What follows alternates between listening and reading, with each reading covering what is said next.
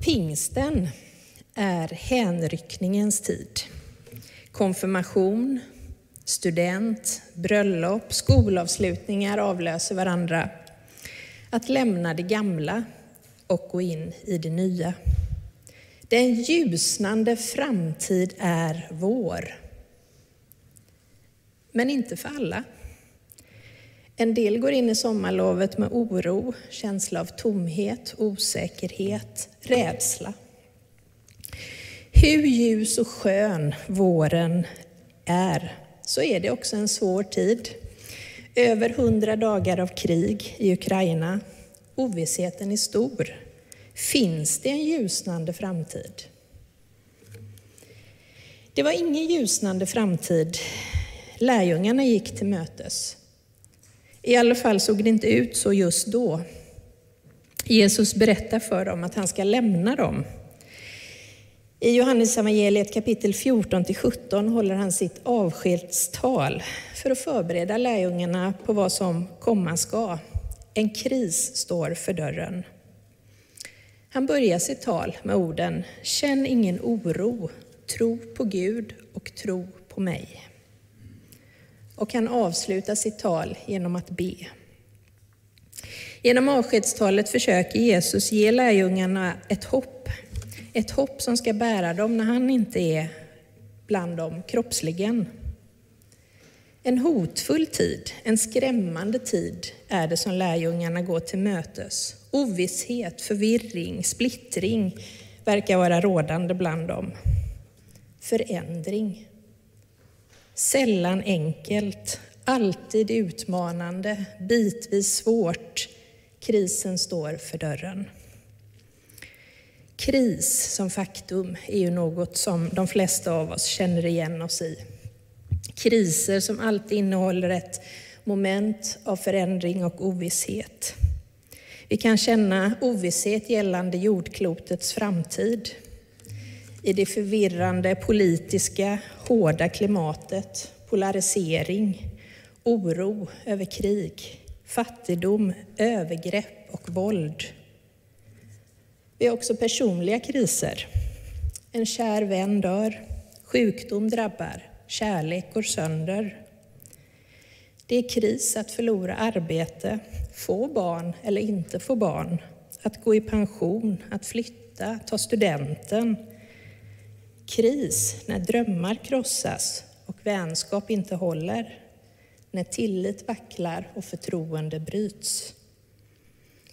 Kris kan vi också ha i vår tro, när det vi tidigare byggt vår tro på inte riktigt längre håller och vi behöver omorientera oss, hitta ett nytt språk, ge oss möjlighet av nya erfarenheter av gudsmötet. Ja, de flesta kriser handlar om förluster en del tydliga och synliga förluster som alla kan se. Andra förluster bär vi hemligt inom oss.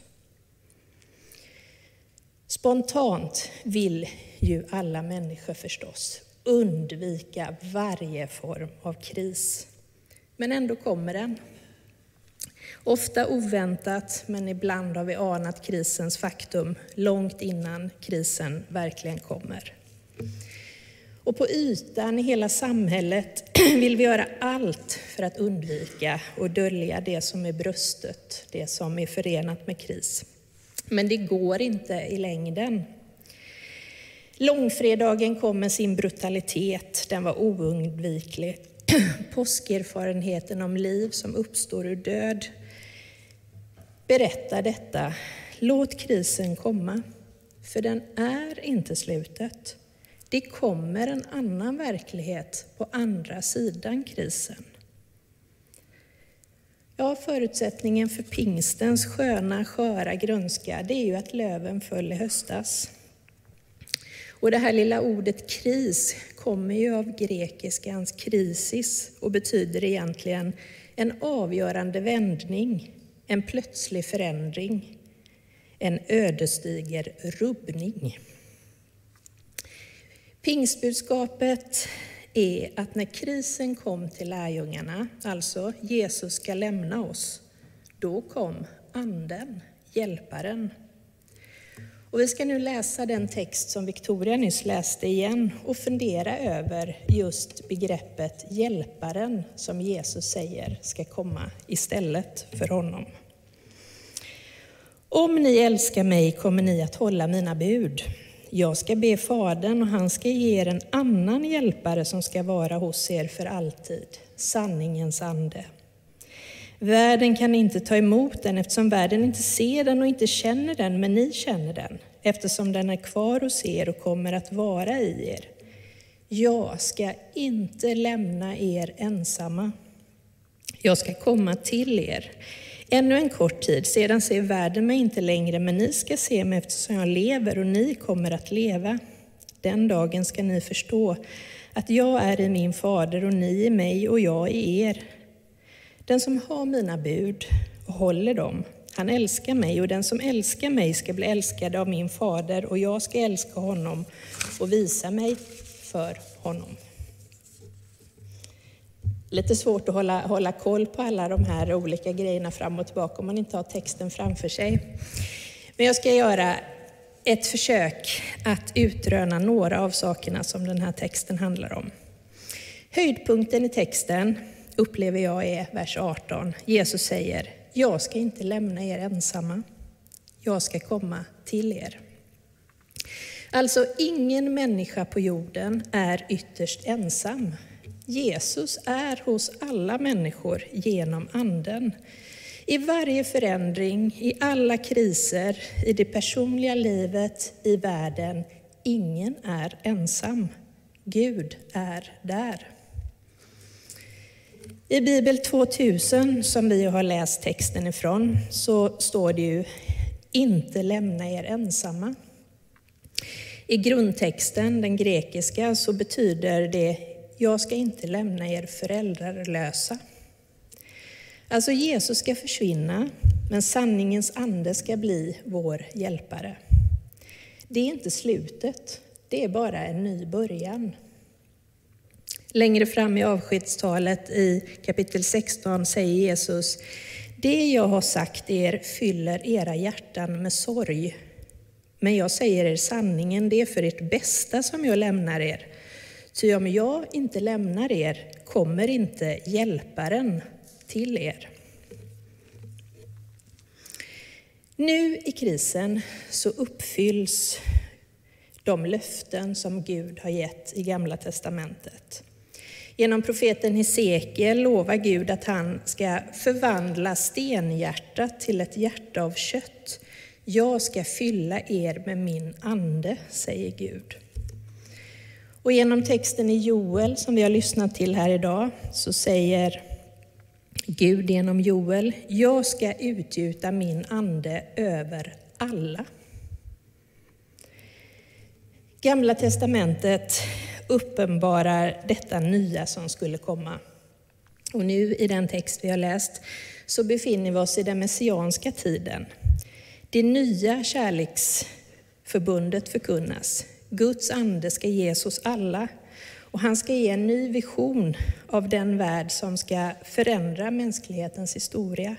Jesus och Fadern ska utgjuta den helige Ande, hjälparen, i allas våra hjärtan och inte bara till en exklusiv elit som det ju var frågan om i Gamla testamentet. Vem är då denna hjälpare som Jesus talar om? Det finns många hebreiska och grekiska ord som översätts med just ande på svenska. Det hebreiska ordet ruach och det grekiska pneuma betyder båda ande i betydelse vind, andedräkt, livsande. Som i skapelsen, Gud blåser in sin livsande i, människans, i människan. Eller när Johannes skriver vinden blåser vart den vill. På latin är ordet spiritus, veni sancte spiritus, kom helige ande. Alltså pneuma, roach, spiritus har samma innebörd för just anden, eller beskrivningen av en av andens egenskaper. Men det grekiska ordet för hjälparen som vi läser om i dagens text, det är parakletos. Och det finns ingen liknande betydelse i Gamla testamentet. Det är något nytt som Jesus nu ska ge, en ny dimension av Anden. Detta grekiska ord för hjälpare är sammansatt av två ord, para och kleto. Sammantaget så betyder det att kalla mot. Så parakletos betyder ungefär den som svarar på ett rop. Den som svarar på ett rop. Det är det nya namnet för Gud, Hjälparen. I olika bibelöversättningar, på svenska och engelska och säkert alla andra språk också, så översätts parakletos med försvarare, att föra någons talan, tröstare, hugsvalare, det känner kanske ni som är lite äldre igen, hugsvalare, hjälpare med mera. Det är den typen av översättningar som det här ordet som vår evangelietext idag handlar om. Orden återspeglar en svag människas behov av någon som är stark nog att hjälpa henne eller föra hennes talan. Så parakleten är den som talar i den svagas namn, den som försvarar, skyddar och tröstar. Så skönt att veta när krisen kommer. Det nya namnet på Gud som Jesus för fram i den här texten, Anden, eh, är någonting helt annat än vad de kände till om Anden tidigare. Det skiljer sig från det här begreppet roash, pneuma, spiritus, som ju översätts med vind eller ande. Det är frågan om en ande som inspirerar, en ande som profeterna får ta emot, en ande som är en rörelse, en hänförelse, ett livgivande.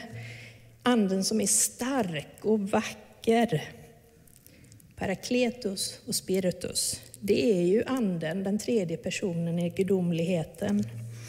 Men den dimension som är parakletos månar om en svag person, en som behöver hjälp. En mor som tar hand om sitt lilla barn är en parakletos. Hon uppfyller barnets behov, vakar över det, beskyddar det och tröstar det. Parakletos är inte enbart aktivt, något som görs, utan det innefattar en relation som är byggd på omsorg. Spiritus då, vinden, den liksom sporrar oss, inspirerar oss, för oss framåt, ger oss kraft att handla. Blinden blåser vart den vill och du hör den blåsa, men du vet inte varifrån den kommer eller vart den far. Så är det med var och en som är födda av Anden. Så förklarar Johannes Anden i ett annat sammanhang. Men när någon är svag och känner sig totalt ensam och övergiven, är det kanske inte det han eller hon behöver, den som är fylld av energi, en spiritus som kan åstadkomma saker och ting, utan snarare en parakletos, någon som ömt säger, jag älskar dig, jag älskar dig precis som du är, jag vill bara vara här med dig. Därför är hjälparen, parakletos, en viktig benämning av Gud. Den är Guds närvaro som uppenbarar sig när vi är svaga, när vi är i kris. Den är Guds svar på ett rop, ett barns rop. Jesus säger, jag ska inte lämna er ensamma, jag ska komma till er. Alltså ingen människa är ytterst ensam eller föräldralös. Jesus är hos alla genom Anden, Hjälparen, vi får vara svaga. I krisen är Gud där hela tiden, närvarande, vill hjälpa. Inför Gud som hjälpare kan vi berätta precis hur vi har det. Salta salmerna i Bibeln talar om för oss att Gud lyssnar till den fattiges rop. Det den fattige ropar efter, det är ju nödvändigtvis inte pengar, arbete eller saker, utan en relation byggd på respekt, kärlek och förtroende. Parakletos säger till en människa, du är viktig, du är värdefull, jag är med dig så att du kan återupptäcka din värdighet. Du är inte ensam.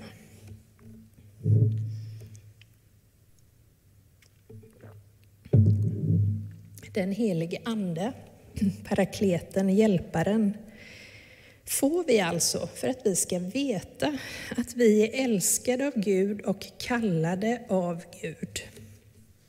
Och vad är det då vi är kallade till? Jesus säger, om ni älskar mig kommer ni att hålla mina bud. Och vilket är då hans bud? Ja, det svarar Johannes på lite senare, eller Jesus svarar på det i Johannes evangeliet. några verser bortanför våran text. Han säger så här, mitt bud är detta, att ni ska älska varandra så som jag har älskat er. Den första pingstdagen utgjuts anden över människor från hela världen så att de plötsligt förstår varandra. Det berättar hur stark Guds kärlek är. Kärleken som älskar mångfald och alltid går över gränser. Lärjungarna kanske är där och först då förstod vad Jesus hade försökt berätta genom sitt liv och sina ord. Hjälparen som skulle komma.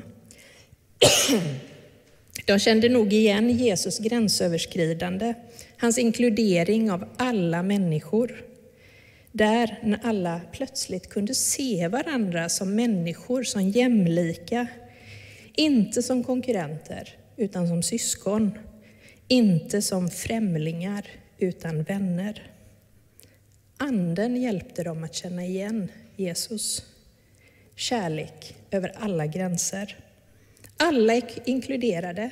Söner och döttrar, gamla och unga, slavar och slavinnor.